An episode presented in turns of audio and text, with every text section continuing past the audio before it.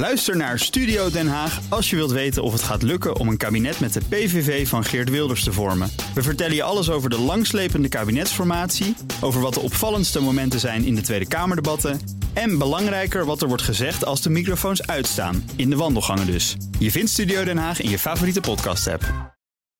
Blijf scherp. BNR Nieuwsradio. BNR breekt. Ivan Verrips. Goedemorgen en welkom bij BNR Breekt. Gegarandeerd zonder QR-code te beluisteren. Vanaf half twaalf praat ik over het nieuws van de dag. Over Nederlandse megalaboratoria die in een jaar tijd zijn gebouwd... om coronatesten te analyseren. Maar inmiddels buitenspel staan omdat we een groot deel van dat werk in België gaan doen.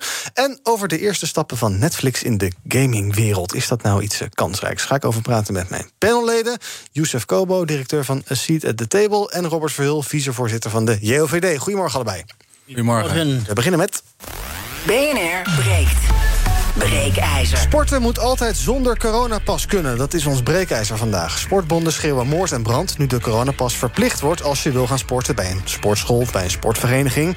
Niets zou sporten en bewegen in de weg moeten staan in deze gezondheidscrisis, zeggen sommige van die bonden. En hebben ze daar misschien ook wel een terecht punt van kritiek? Sporten was toch het devies om je immuunsysteem en je weerstand gezond te houden tijdens de vorige lockdowns? Of vraagt de huidige situatie toch ook ja, dit soort maatregelen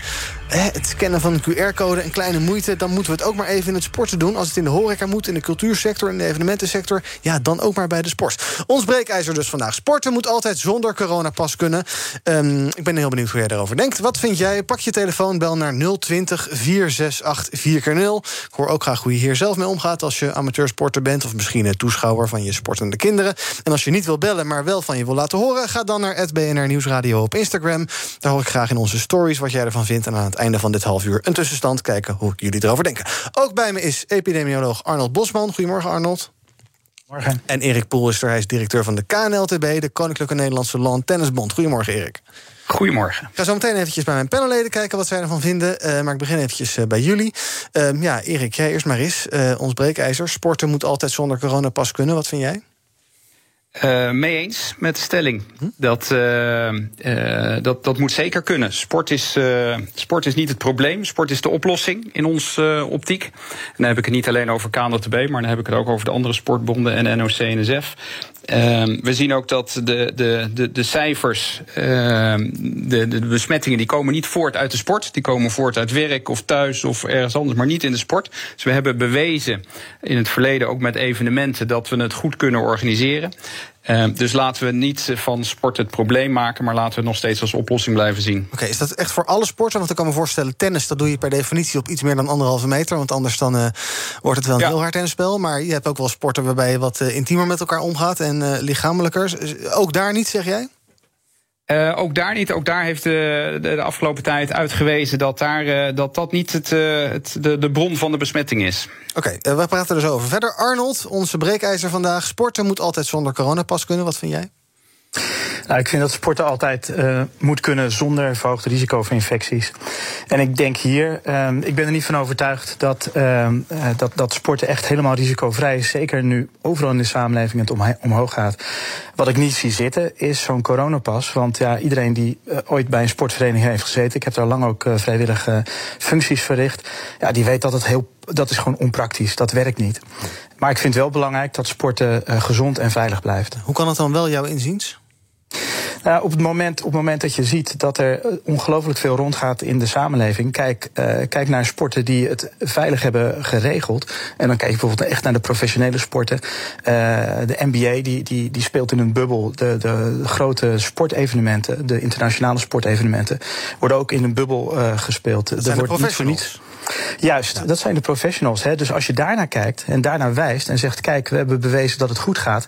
Ja, dan is het niet helemaal representatief voor, um, voor het voetbalteam, het, ze het zevende voetbalteam uh, in de polder.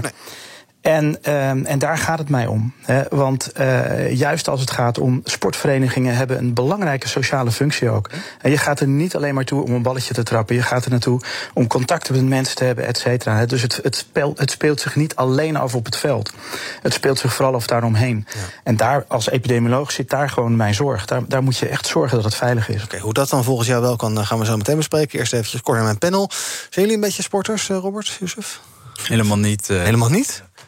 Toch, toch weer al even geleden. Ik ja? hoorde bij FIFA op de PlayStation. Ja, oké. dat ja, daar hoef je, ook, heb je ook geen QR-code voor nog. Kan je ook fijn thuis doen. Dat is mooi. Uh, dan maar toch even inhoudelijk ook. Uh, Youssef, wat vind jij sporten? Ja, dat is voor veel mensen een eerste levensbehoefte. Is ook heel gezond. Zou je dat altijd zonder corona pas moeten kunnen doen?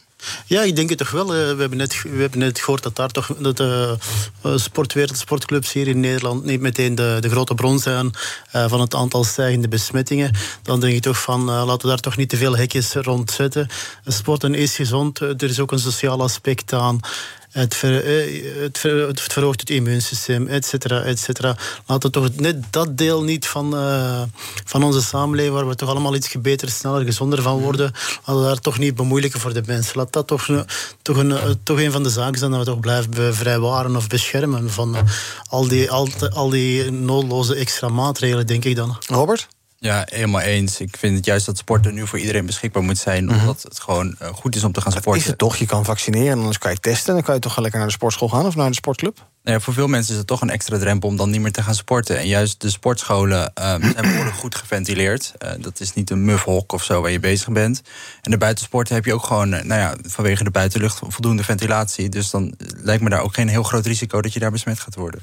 Arnold, toch even jouw reactie erop. Want jij zegt van ja, ik wil dat het uh, veilig gebeurt. Uh, coronapas ben ik geen voorstander van. Maar ja, wat ik al zei, voor amateursporters, voor mensen die graag naar de fitness gaan. Of uh, nou, bijvoorbeeld tennissen bij, de, bij, bij, bij, bij Erik. Of lekker voetballen. Hoe, hoe zou het dan wel veilig kunnen, jouw inziens? Ik denk, het antwoord is dat eh, alles vraagt een maatoplossing. Hè? Kijk, een fitnesszaal is totaal anders ingericht dan een, uh, dan een binnenvoetbalzaal. Uh, of dan een, een, een buitenhonkbalveld. Het ligt er ook aan wat voor, hoe de training in elkaar zit. Hè? Je, je, kan, uh, je kan individuele training hebben, je kan groepstraining hebben. Dus je moet eigenlijk, zou je epidemiologisch gezien, virologisch gezien, zou je moeten kijken naar wat, zijn er risicomomenten op dat gebeuren. Mm -hmm. Ik wil trouwens even wel tegenspreken dat sport totaal veilig is. Dat klopt dus echt niet. Dat is echt niet waar. Het, het is, uh, als je gaat kijken naar de beschreven outbreaks, internationale outbreaks, uh, zijn er ongelooflijk veel beschrijvingen van outbreaks die in sportteams gebeuren.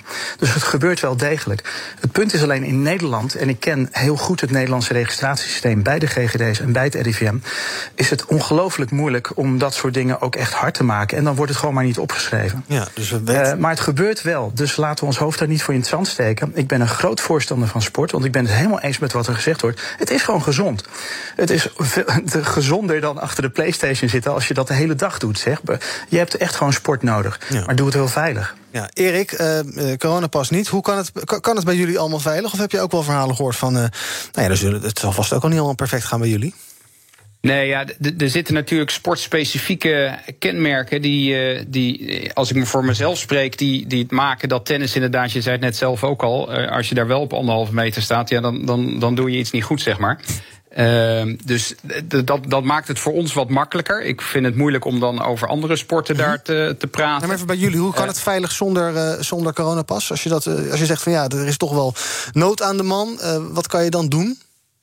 Nou ja, die anderhalve meter is sowieso gewaarborgd. En um, dus daarmee alleen al denk ik dat we het prima kunnen handhaven. Uh, we hebben al, al onze leraren, we hebben een, een, een professioneel lerarenkader. Je tennisleraar is een beroep. Net als padelleraar. Padel valt inmiddels ook onder ons. Mm -hmm. um, die, die, die zijn geïnstrueerd, die weten we, als we lesgeven, dan moeten we die anderhalve meter, die, die moeten we in acht, uh, in acht houden. En dat, dat gebeurt ook. Dus, ja. um, maar goed, ik weet dat het voor ons iets makkelijker praten is dan als je uh, judoot of bokst. Ja. Dat, dat begrijp ik uh, uiteraard ja, zeer. Ja, en ook bij jullie, je bent natuurlijk wel in, in, in gangen en daar loop je ook langs elkaar. En ja, van het veld op, van het veld af. Het is natuurlijk, het is natuurlijk niet allemaal dat je meters ver uit elkaar staat. Uh, die coronapas wordt een soort realiteit, dus daar zullen jullie toch aan mee moeten gaan doen. dat gaan jullie ook ja, met een beetje tegenzin, maar allemaal doen? Geen, ja, kijk, we, we, wachten, we wachten het Kamerdebat van vandaag ja. uh, in, in spanning af. Uh, ik begreep ook van Diederik Gommers dat sport in het OMT helemaal niet ter sprake is gekomen. Dus het OMT was hier ook een beetje door overvallen. Maar goed, mocht alles bij elkaar komen, mocht het zo zijn dat, uh, dat het is zoals het is, hm. dan uiteraard gaan wij ons daar voor inspannen om dat te doen. Maar ik maak me dan wel zorgen over de, de, de controle. Dus ik denk wel dat de, de sport en dan heb ik het wederom niet alleen over tennis. De sport is dan wel gebaat bij hulp om die controle uit te voeren. Ja. En dat, dat is makkelijker voor een, een fitnessschool uh, met, met gewoon een ingang en uitgang. Maar als je dat vergelijkt met een, een buitensportvereniging, en, en, en, ja, dan, dan, dan, dan, dan hebben we daar echt hulp bij nodig. Dank, Erik Poel, directeur van de KNLTB, Islands Nationale Tennisbond. BNR breekt. Ivan Verrips. Met in mijn panel Youssef Kobo van Seat at the Table... Robert Verhul, vicevoorzitter van de JOVD... ook bij mis epidemioloog Arnold Bosman. We praten over ons breekijzer. Sporten moet altijd zonder coronapas kunnen. Ik ga bellers aan het woord laten kijken hoe zij erover denken. Um, Xavier van der Velde, goedemorgen. Goedemorgen, Xavier hier. Ja, ik ben er echt falikant op tegen. Het, het uh, sowieso is volgens mij ook bewezen. Ik hoor ook gek geluid. Maar... Horen jullie mij? Ja, ik hoor jou wel, maar ik hoor ook haar geluid. Maar vertel verder. Oké, ja. Um, uh, volgens mij is sowieso ook bewezen dat mensen die twee keer gevaccineerd zijn...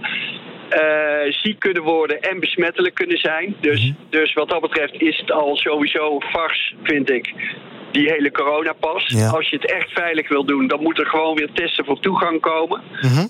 En, uh, en sowieso moet vaccineren, vind ik, een, een recht zijn en niet een plicht. Dus uh, je gaat nu letterlijk ouders die met hun kinderen naar een sportvereniging gaan en willen kijken bij de kinderen, die ga je nu toegang ontzeggen als zij principieel tegen vaccineren zijn. Of tegen testen, uh, of daar geen zin in dus, hebben. Nou ja, te, hè, maar dan iedereen testen. Ja. Maar, maar nu worden de niet gevaccineerden worden in een verdomhoekje gestopt. En ik denk dat er heel veel mensen bewust niet vaccineren die zelf gewoon gezond zijn. En als ze het zouden krijgen, het zonder problemen doorstaan. Hetzelfde geldt vind ik voor kinderen van 12 tot 18 jaar. Dat vind ik al helemaal absurd dat we die aan het vaccineren zijn. Ja, duidelijk. Dank dus, voor het bellen, Sven. Nee, het punt is duidelijk, dankjewel. Um, uh, A3, goedemorgen. Goedemorgen. goedemorgen. Nou, er wordt aan. Er wordt aangegeven dat het dan drie weken later komt, dat het vertraagd is. Ja. Nou, we, we, hebben net de herfstvakantie achter de rug. En we stonden met 2 miljoen mensen op Schiphol. Kom, nou, daar ligt de oorzaak. Dus om die buitensporten te gaan beperken, nee, mm -hmm. dat is niet nodig. Nee. Je kan het wel bij een gewone sportschool doen, wordt net gezegd. Ja. Omdat je dan één ingang hebt en één uitgang. Mm -hmm. Maar dit is niet te doen. Maar kijk nog eens eventjes naar dat er afgelaaid stond het op Schiphol Ja. in, in, in, in die weektijd. Ja. En, en ik denk dat daar de oorzaak ligt. En als ik uh, viroloog ben, of hoe het ook heet. Mhm. Nou, en ik, ik kan het een beetje bekijken. denk ik, nou, de oorzaak ligt op Schiphol in het heen en weer vliegen. Ja, Maar ja, ja, de duidelijk. KLM mag niet geraakt worden. De vakantieperiode is duidelijk, dankjewel. Sander, goedemorgen. Goedemorgen, ik spreek met Sander Visser. Hallo, zeg het maar. Hoi, ja, ik ben het zeker uh, eens met de stelling. Um, ik vind het uh, onzin dat, uh, dat iedereen maar ingeperkt wordt in bepaalde vrijheden. Mm -hmm. En sport is toch wel voor heel veel mensen belangrijk om hun gezondheid op peil te houden. Ja. Um, en ik vind als je ingeënt bent, heb je niks te vrezen van mensen die niet ingeënt zijn. Want je hebt zelf je eigen bescherming genomen. En ja, ik denk dat we allemaal niet zo bang moeten zijn om elkaar in een hokje te duwen. En laten we gewoon weer met z'n allen samenleven in plaats van al die onzin. Duidelijk, dankjewel Sander. Uh, Arnold, een paar dingen die ik hoorde. En een uh, zorg die ik bij een van de bellers hoorde... die ik ook gisteravond in de persconferentie hoorde van een van de journalisten. Uh, hoe veilig is dat, dat, dat, dat coronabewijs nou eigenlijk? Wat toont het aan? Want je kan gevaccineerd zijn en toch corona hebben... en ook besmettelijk zijn. Dus is dat, is dat de verstandigste manier om het te doen? Ja, er worden, er worden echt hele goede dingen gezegd door alle drie de bellers. En uh, het klopt, uh, als je gevaccineerd bent, is het niet een 100% garantie dat je dus geen corona kan krijgen. Dat is dus niet zo. Is sowieso met, met het huidige vaccin heb je al een kans van 1 op 10 dat het jou niet beschermt. Hè? 9 van de 10 wel, maar je zal maar die ene van die 10 zijn. Ja. En, dan ben je, en dan ben je gevaccineerd en dan voel je je veiliger. En dan ga je dus naar een situatie, bijvoorbeeld op Schiphol, daar ben ik het ook helemaal mee eens. Hè, daar, daar, dat is echt een risico, daar moet veel meer aandacht voor komen. Um, maar het is niet of-of. He, op het moment dat jij naar een sportwedstrijd gaat, het gaat, weer, het gaat nu weer regenen, er is een toernooi. Je, je, je zit met z'n uh, vijf in een auto. Uh, een vrijwilliger die neemt, een, een ouder neemt het team, een deel van het team mee in de auto. Mhm. Dan vervolgens ga je in een, in een vochtige, uh, hoge luchtvochtigheid in de kleedkamers bij de douches. Vervolgens ga je in de kantine je nog eventjes opwarmen nadat je anderhalf uur op het veld hebt staan kleumen. Ja. Dat, het, het gaat dus niet alleen maar om die sport. En ik denk een QR-code vind ik gewoon ja, eigenlijk totale totale onzin. Ik ben helemaal eens met die eerste, met Xavier, die zegt van ja, waar, waarom ga je niet testen? Dan heb je ook die mensen die gevaccineerd zijn, die kan je er, hè, als ze zo ongelukkig zijn om het wel te krijgen, kan je eruit halen. En ik denk, het, het hoeft ook geen straf te zijn. Ik kan me voorstellen dat je creatief probeert om te gaan als sportclub. Hè, zoek, zoek, een, uh, zoek een, uh, een gelegenheid waarbij je de mensen die dan helaas toch positief uit die test komen, mm -hmm. dat je daar iets aparts mee kan doen. Er zijn zoveel problemen op sportclubben. Met name over hoe krijgen we meer vrijwilligers? Hoe, hoe krijgen we de team van coaches rond? Uh, er spelen zoveel vragen.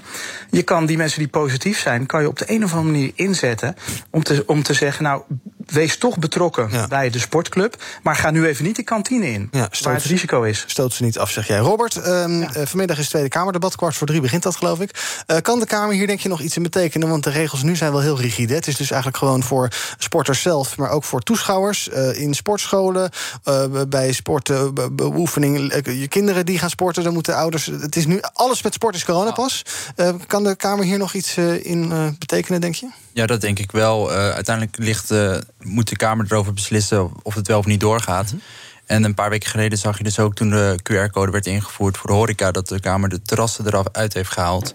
Die nu vervolgens weer ingevoerd gaan worden, maar dat is een ander verhaal. Um, dus wie weet dat de Kamer toch uh, overeenstemming gaat vinden om het op een bepaalde manier toch delen eraf te halen. Ja. Misschien bijvoorbeeld buitensporten. Ja. Ja, precies. Dat, zou dat een verstandig onderscheid zijn, Jozef? Dat je zegt van ja, kijk, als je met, uh, met, met groepslesjes in sportscholen zit. Ik kom zelf wel eens in de sportschool, daar ruikt het soms een beetje muf. Dat je denkt van nou, ik weet niet of, nou, of de ventilatie hier nou helemaal in orde is, maar oké. Okay. Um, uh, is het verstandig om onderscheid te, om, om specifieker maatwerk toe te passen en niet te zeggen alle sport is allemaal coronapas? Ja, er zijn een paar verschillende elementen natuurlijk. Er is outdoor, er is indoor sport, maar er zijn ook bepaalde elementen. Bij elke grote of kleine club, hè, de kleedkamer, de douche, ja. et cetera. En dat vind ik eerder een beetje bizar dat, die, dat daar nog geen maatregelen rond zouden genomen zijn of niet, niet in voegen zouden zijn. Bij ons bijvoorbeeld bij zaalvoetbal uh, betekent het kleedkamer, uh, de kleedkamer is gesloten, douches zijn gesloten, de kantines zijn ja. gesloten, de douche doe je thuis enzovoort. Dus daar moet allemaal al normaal gezien al toch al over na zijn gedacht. Uh, dus ja, het is een beetje maatwerk, kleine, grotere clubs. Maar wat ik ook wil weten van, ja, wat zijn de grootste sportclubs? Uh, uh, in, de, in de lage landen. Dat zijn, het grootste deel van de clubs zijn amateur. Ja. Amateurverenigingen. En die hebben nog de middelen, nog de vrijwilligers om uh, aan de ingang te staan checken van uh, papa en mama komt afleveren of die of zus of vriendin komt supporteren. Ja. En die gaan we allemaal even scannen. Dus ja, het brengt toch heel veel extra problemen in omslag mee. Dus de vraag van de belangrijkste vraag die je altijd moet uh, stellen bij zo'n nieuwe maatregelen: zijn die effectief en zijn die ja. efficiënt? En is het ook, daar heb ik toch wel een paar is, is het ook bij. Ja, precies. Ik ga nog een paar bellers aan het woord laten tot slot van deze uitzending. Um, Geert Henk Wijnands, goedemorgen. Ja, goedemorgen. Ik uh, ben het eens met de stelling. Ik denk dat Arnold Bosman het heel goed heeft verwoord. We zijn de tijd van het vrijblijvend uh, alle, uh, je, al, al je rechten opeisen, ook het recht op sporten, die zijn wat mij betreft voorbij. Je moet ook kijken naar het recht om in het ziekenhuis behandeld te kunnen worden. En dat wordt gemakshalve, denk ik, maar vaak vergeten. Dus wat mij betreft moet je ook bij sporten gewoon je QR-code laten zien. En je zou natuurlijk kunnen besluiten buitensporten dat dat, dat dan een uitzondering is. Ja. Maar als je bijvoorbeeld kijkt hè, naar afloop van voetbal, gaan mensen, mensen toch vaak weer de kantine in. En heb je daar dan weer een probleem. Dus ik denk, als je dan een maatregel moet nemen, dan qua sporten maar op slot. En als je dan een keer echt wil sporten, ga dan maar een keer fietsen of zo. Ja, ook Want, lekker. Dat kan iedereen nog steeds blijven doen. Hè? Precies. En tot slot van het half uur, meneer of mevrouw Schoeneveld, goedemorgen. Ja, hallo, met uh, Schoeneveld spreek je Engelshoven. Um, ik uh, ben het volledig met de stelling eens dat uh, sportscholen vrij moeten zijn van uh, coronapasjes en dergelijke. Ja. Want uh, ja, hoeveel zal er uh, zijn? Uh, 50 per uur doorlopend. En waar ik eigenlijk voor bel is... gisteren zie ik op teletext dat er wel een dance-event wordt georganiseerd... met ruim 300.000 man. Ja. Staan ze daar op te hossen. Er gelijk al meer dan duizend besmettingen. Ja, dan denk ik mezelf, maar daar moet je het zoeken. En niet bij de sportscholen. Duidelijk. Dank, meneer Schoeneveld. Tot zover onze breekijzer voor nu. Ja, de conclusie is dat mensen die toch wel eens zijn die het raar vinden. Ik denk ook wel dat de Kamer hier nog iets aan eh, gaat veranderen. Ik zie Robert ook instemmend knikken. Die heeft natuurlijk contacten bij de VVD, dus die weet helemaal hoe dit gaat lopen. Uh, op Instagram is uh, uh, de meerderheid het ook eens over ons breekijzer. Sporten moet altijd kunnen zonder coronapas. 83% is het eens. Je kan daar nog de hele dag blijven stemmen in onze stories. Um, zometeen, een tweede half uur van BNR Breekt... hebben we het over mega-laboratoriums voor het coronavirus. Die heeft Hugo de Jonge opgezet en nu ook eigenhandig buitenspel gezet. Superhandig. We hebben het over een uitstervend fenomeen de vakbond. We gaan zo uitleggen wat dat is en wat je daarmee kan. En gamen via Netflix. Wie gaat dat doen? We gaan het zo vragen. Uh, en uh, nog dank aan uh, Arnold Bosman, epidemioloog... die er de afgelopen half uur bij was. Zometeen deel 2 van BNR Breekt. Tot zo. Bij BNR ben je altijd als eerste op de hoogte van het laatste nieuws. Luister dagelijks live via internet. Bas van Werven. En heel langzaam komt de zon op rond dit tijdstip. Je krijgt inzicht in de dag die komt op BNR, het Binnenhof in Nederland en de rest van de wereld. De Ochtendspits. Voor de beste start van je werkdag. Blijf scherp en mis niets. BNR Nieuwsradio. BNR breekt. Ivan Verrips. Welkom terug bij BNR Breekt. In mijn panel Jozef Kobo van A Seat at the Table... en Robert Verhul, hij is van de JOVD. We bespreken het tweede half uur van uh, dit programma altijd het nieuws van de dag. Eerst nog maar even kort een terugblik op die persconferentie van gisteravond. Robert, was je, alles was natuurlijk al uitgelekt... maar was je teleurgesteld? Of wat was jouw overheersende emotie achteraf? Ja, wij vonden het inderdaad wel heel veel symboolpolitiek... die uh, uiteindelijk de coronapandemie niet gaat bestrijden. Nee. Namelijk die terugkeer van de mondkapjesplicht. Mm -hmm. Dat, uh, ja, in de, als je in het OV zit, dan heeft niemand er meer op. Behalve een uh, gehaakt mondkapje die de oma is gemaakt. Want, en die werken echt niet. Mm -hmm. Maar dat moet nu opeens ook weer in de winkels gedragen worden. Ja. Dus ja, ik kijk er niet naar uit. Nee. We kregen ook een beetje een soort uh, straf, of het werd gedreigd van ja, als het allemaal niet genoeg helpt, dan gaan we volgende week vrijdag nog uh, zwaardere maatregelen uh, nemen. Maar dat is maar slechts anderhalve week. Dus de maatregelen die dan zaterdag ingaan, die zie je dan helemaal niet terug in de cijfers. Dus we kunnen ons klaar gaan maken voor coronapassen op werk en dat soort ellende. Dat denk ik wel, want inderdaad, voor mij heeft het ongeveer 14 dagen nodig voordat je echt iets gaat zien. En hm. dit is een dag of negen. Ja, dus ik ben heel benieuwd waarom ze voor die termijn gekozen hebben. Uh, ik ben benieuwd of de Kamer daar bijvoorbeeld vandaag nog naar gaat vragen. Ja. Uh, of dat je dat verder op gaat trekken. Want anders inderdaad heeft het echt geen zin. Nee. Um, nee, ja, nou ja, goed, dat moeten we zien. Uh, wat we zien, uh, Youssef, is dat uh, in Nederland in de volgende maand de eerste 80-plussers een boosterprik kunnen krijgen. Daarna komen 60-plussers. Uiteindelijk kan iedereen die dat wil, kan daarvoor in aanmerking komen. zou dat is dat een goed idee, denk je, om die te nemen als je gevaccineerd bent? Ja, ik denk als we slim zijn, dat we vooral onze extra dozen. De, de, de rijke landen, de westerse landen hebben nu allemaal tientallen, honderden miljoenen extra vaccins gedoseerd voor die derde en die vierde prik die zouden komen. De discussie is ongeveer hetzelfde in België.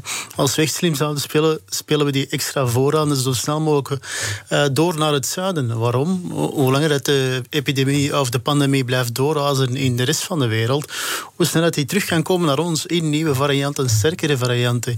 Die derde prik, die vierde prik, ik begrijp het perfect voor uh, zorgwerkers, uh, zorgverleners, 80-plussers, want die blijven kwetsbaar.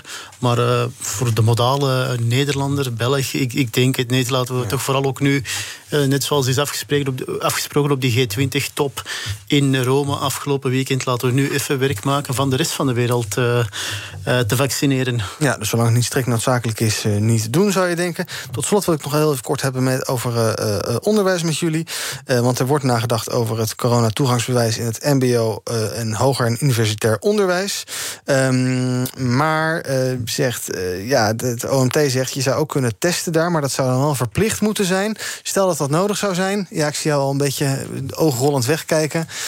Coronapas of dan maar verplicht testen? Uh, Robert? Ja, dan toch maar voor het verplicht testen. Ja. Maar dan wel dat het uh, bij de universiteit geregeld zou worden.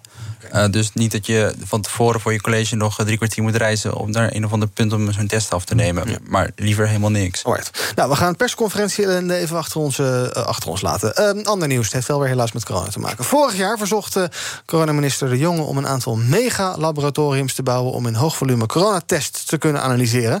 Inmiddels zijn die er. hartstikke fijn. Maar wat blijkt?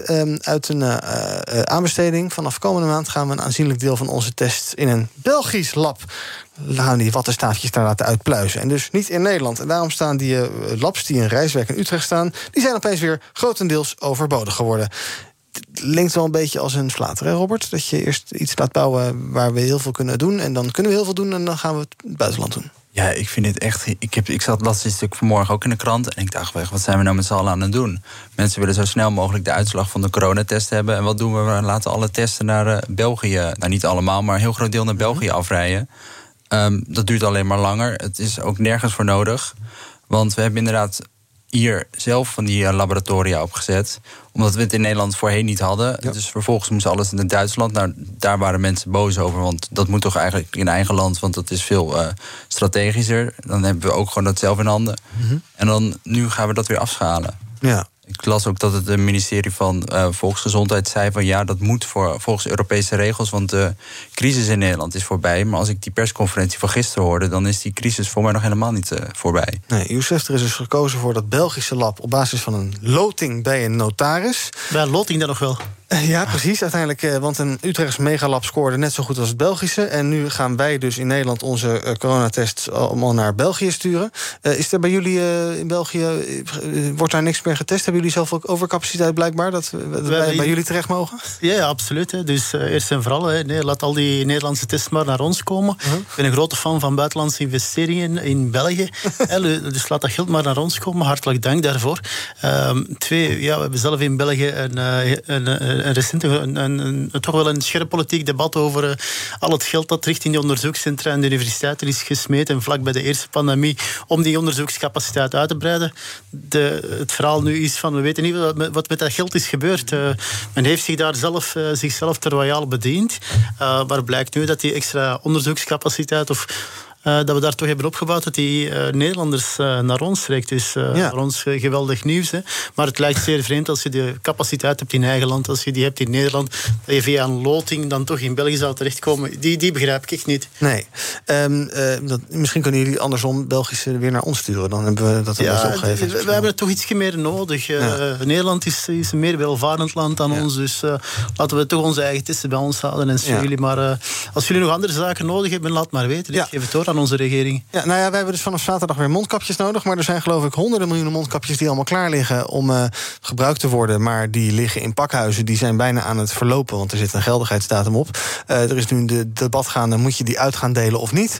Um, wat vind jij, Robert? Gratis? Want het argument om het niet te doen is, ja, het verstoort de markt. Maar ja, als ze ergens in pakhuizen liggen weg te rotten, die dingen... waarom zou je ze niet op straat uh, geven aan wie wil? Ja, je zou ze dan misschien beter kunnen gebruiken om aan te bieden aan mensen die de mondkapjes niet uh, kunnen betalen. Of bijvoorbeeld aan de voedselbank geven, ja. die ze mee kunnen geven met de voedselpakketten. Ja, maar de, um, en de rest draai je gewoon door. Dan zeg je succes ermee, de fik erin en klaar. Ik heb geen idee hoeveel, uh, over hoeveel mondkapjes het gaat. Maar uh, ik denk juist dat het goed is om te kijken aan voor wie ze het meest geschikt zijn. Mm -hmm. Ja. Oké, okay, en niet uh, iedereen uh, ongevraagd 25 mondkapjes in de briefbus te douwen elke maand? Nee, dat lijkt me uh, ook een beetje overdreven. Mm -mm. Oké, okay. we gaan het over ander nieuws hebben. Ehm, over de vakbond. Wordt lid van FNV. Wij houden dit land in beweging. Door samen te werken. Te klokken voor elkaar. Niemand buiten te sluiten. Niet ieder voor zich, maar met elkaar. Omdat we weten... Zo werkt Nederland. FNV. Doe je mee? Nee, ik doe niet mee, want steeds minder mensen doen mee met FNV. Um, het aantal uh, vakbondsleden daalt fors. In de afgelopen twee jaar vertrokken bijna 100.000 mensen bij de vakbond. Blijkt uit cijfers van het CBS. En daarmee komt het aantal vakbondsleden op het laagste niveau uit sinds 1966. Youssef, ben jij, uh, zou jij lid zijn van een vakbond als je ergens in dienst was? Of als je in, in... Ik, ben, ik ben het ooit geweest en ik denk wel dat ik het zou zijn. Uh, maar je bent het niet meer. Ja, Absoluut. Niet? Omdat ik het niet, niet, niet meteen nodig heb. Nee. Uh, maar uh, het is wel goed om te weten van... In België is er nog steeds een sterke vakbond, vakbondscultuur. Mm -hmm. En is zo goed als iedereen lid van een van de drie grote vakbonden. Socialisten, liberalen, uh, christelijken. En dat heeft ook een beetje te maken met onze geschiedenis... en de verzuilingen, et cetera. Maar dus, vakbonden zijn bij ons nog een instituut... en ja. die hebben heel veel te zeggen. En een van de redenen waarom dat België zo'n gestold land is... is omdat alle actoren elkaar continu in de perfecte houtgreep, houtgreep hebben. En de, vak, uh, de vakbonden zijn daar één van. Ja, en uh, uh, ook geen afname dus bij jullie. De, de populariteit vermindert niet heel erg. er is wel, het gaat licht achteruit ja. over de jaren heen natuurlijk. Ja. Hè. Het is niet meer zoals in de jaren 80, zeg maar, echt gebetoneerd en alom tegenwoordig. Maar ze kunnen nog altijd heel veel mensen op de baan brengen. Eh, onderschat dat niet. Ja, Robert, jullie bij de JOVD, jullie walgen waarschijnlijk van de vakbond. Die vervelende werknemers die zeg maar eh, liever de AWVN of eh, VNO-NCW. Mooie Nou ja, de vijand. ondernemersclubben. Het zijn toch de vijanden. Ja, het is, walgen is misschien een heel groot woord, maar het is, eh, het- we zijn geen grote vrienden van de vakbonden. Waarom eigenlijk niet? Waarom, eh, wat is erop tegen? Nou ja, helemaal als je kijkt naar de huidige vakbond, inderdaad, zoals we zeggen, het ledenaantal neemt af. Dus het is ook totaal geen eh, representativiteit van eh, de gemiddelde werknemer.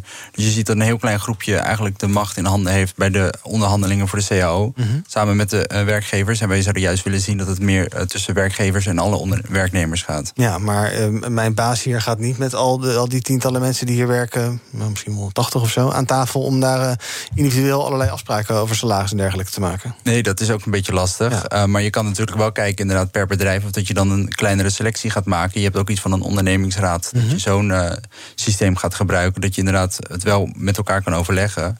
Ehm, maar ook iedereen vertegenwoordigd is. Ja, even advocaat van de duivel. Wat zouden vakbonden kunnen doen, denk je, om aantrekkelijker te worden voor jongeren ook?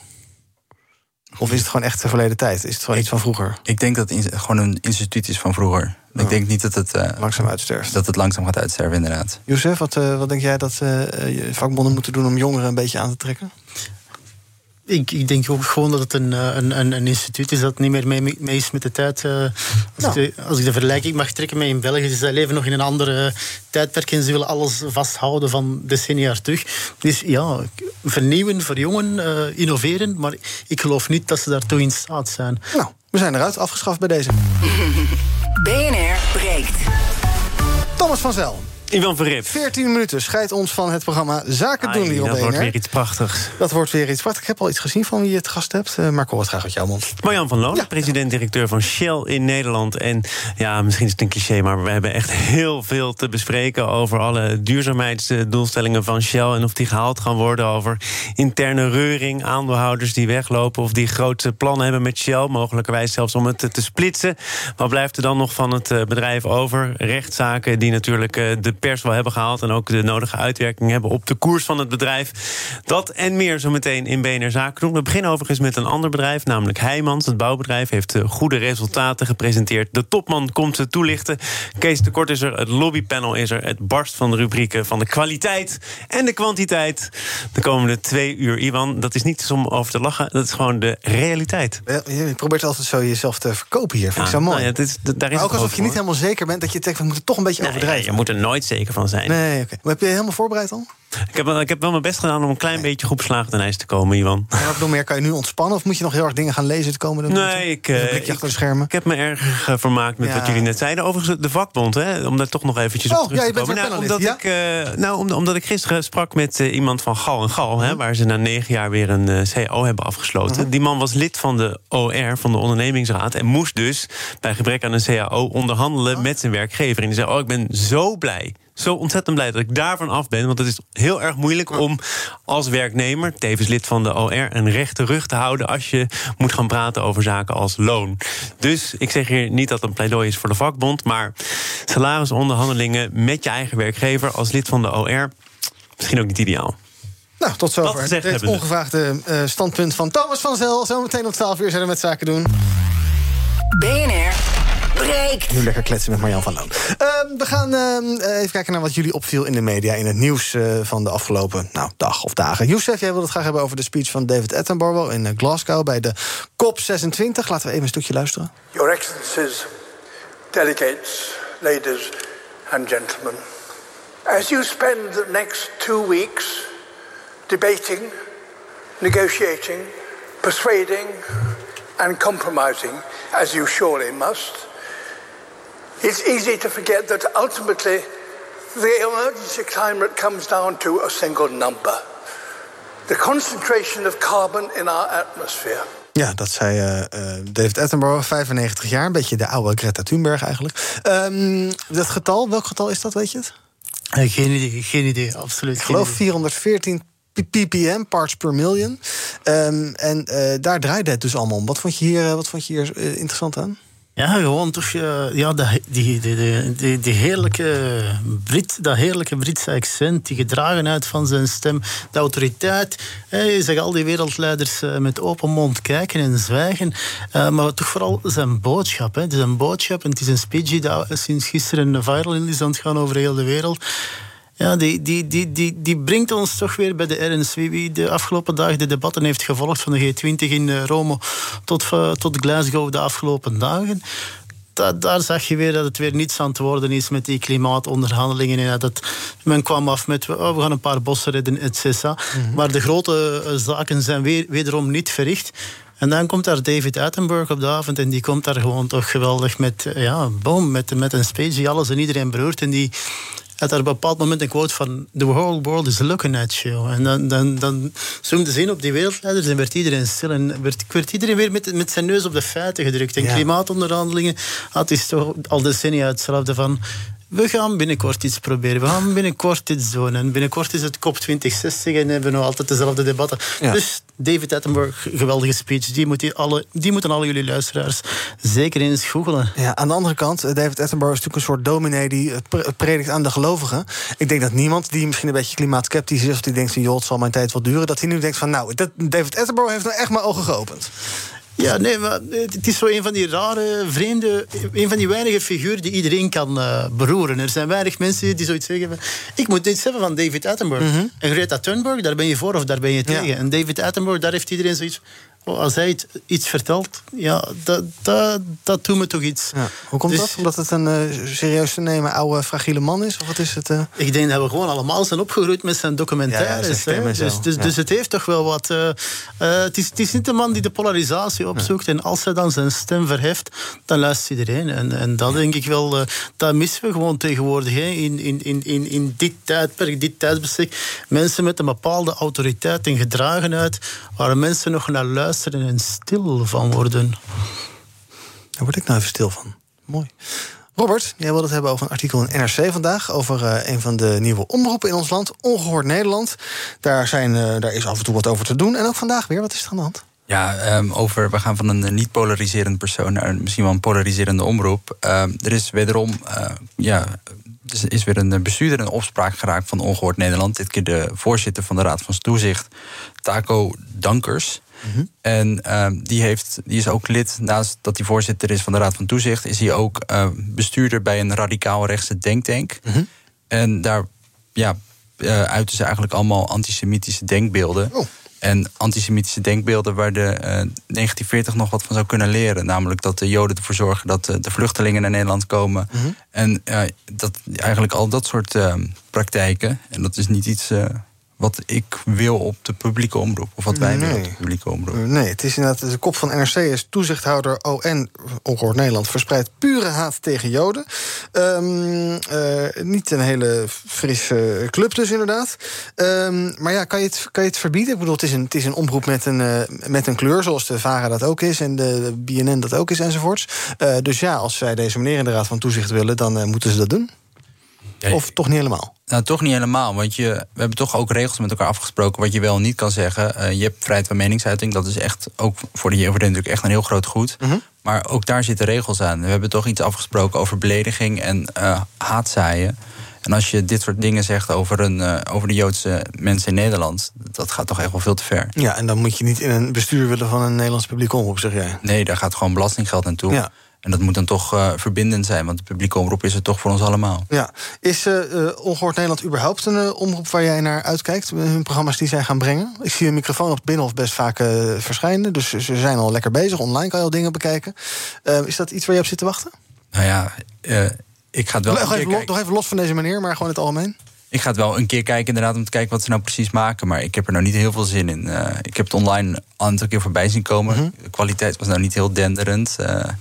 Het eh, is een beetje een, uh, ja, die rode plopkap eh, ga je nu overal op zien duiken. Ja, maar ik, aan jouw stem hoor ik ook dat het niet op heel veel enthousiasme kan rekenen. Nee. Nee, dat is duidelijk. We gaan kijken wat de trending is op de socials op dit moment. Uh, onder andere, ja, je kan het wel raden. We hadden gisteren die persconferentie. Uh, hashtag coronapas, hashtag persconferentie, hashtag coronamaatregelen, hashtag ik doe niet meer mee. Of ik doe wel mee, ik doe niet meer mee. En ook hashtag QR-weigeraar zag er voorbij komen. En tot slot nog een waarschuwing. Die geldt nog, nog maar een uurtje, dus het valt mee. En ook alleen maar in Drenthe, Flevoland, Friesland, Gelderland, Groningen, Overijssel en Utrecht. Namelijk hashtag mist. Het was code geel. En uh, ja, dat was uh, heel ongezellig vanochtend op de motor heel vroeg. Ik zag namelijk helemaal niks. Uh, tot slot gaan we het nog even hebben over Netflix. Binnenkort kan je misschien je favoriete spelletje spelen in de app van Netflix. Want Netflix die treedt namelijk toe tot de ja, gamingmarkt dus. Among the games included will be Stranger Things 3, the game. Unfortunately, you will not be able to use a wireless controller or a mobile controller like the Razer Kishi, as the games on the Netflix Games app use touch controls only, at least for now. Netflix notes that its Games app does require a subscription to its streaming service and that there are no ads, additional fees or microtransactions. Ja, nu alleen nog op Android en uh, gaat nu om vijf mobiele games, waarvan er dus twee bij Stranger Things horen. En uh, Netflix wil uh, meer met gaming gaan doen. Nou, Youssef weet dat je niet sport, maar wel dat je FIFA speelt. dus je bent een gamer. Heb je interesse in gaming in, in, in streamingdiensten? Is dat iets waarvan je denkt van, nou, dat zie ik wel zitten eigenlijk? Ja, ik heb, ik heb wel een paar abonnementen op de, op de Netflix en, en de Disney Plussen van deze wereld. maar het is een heel interessante strijd die momenteel wordt gevoerd in, in de VS in Silicon Valley, die de streamingdiensten en al die grote mediaconglomeraten die plots allemaal hun eigen streamingdienst begingen. Maar de Netflix-move is weer enorm fenaal. Hè.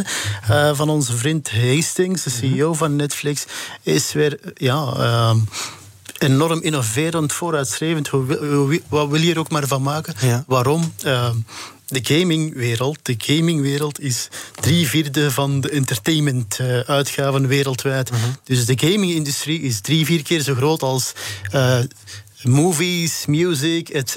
samen. Alle, alle andere entertainmentproducten opgeteld zijn een derde van wat uh, de gaming-industrie uh, waard is vandaag de dag. En Netflix zegt daar, oké, okay, Disney Plus enzovoort en de andere providers maken het ons tegenwoordig wel lastig. Ja. Die toekomstige groei uh, komt wat in het gevaar. Wij gaan nu inzetten op gaming. En Netflix heeft meer dan 200 miljoen gebruikers. Fenomenaal. Google heeft het niet zo lang geleden geprobeerd. Ja. Met Stadia is spectaculair gefaald.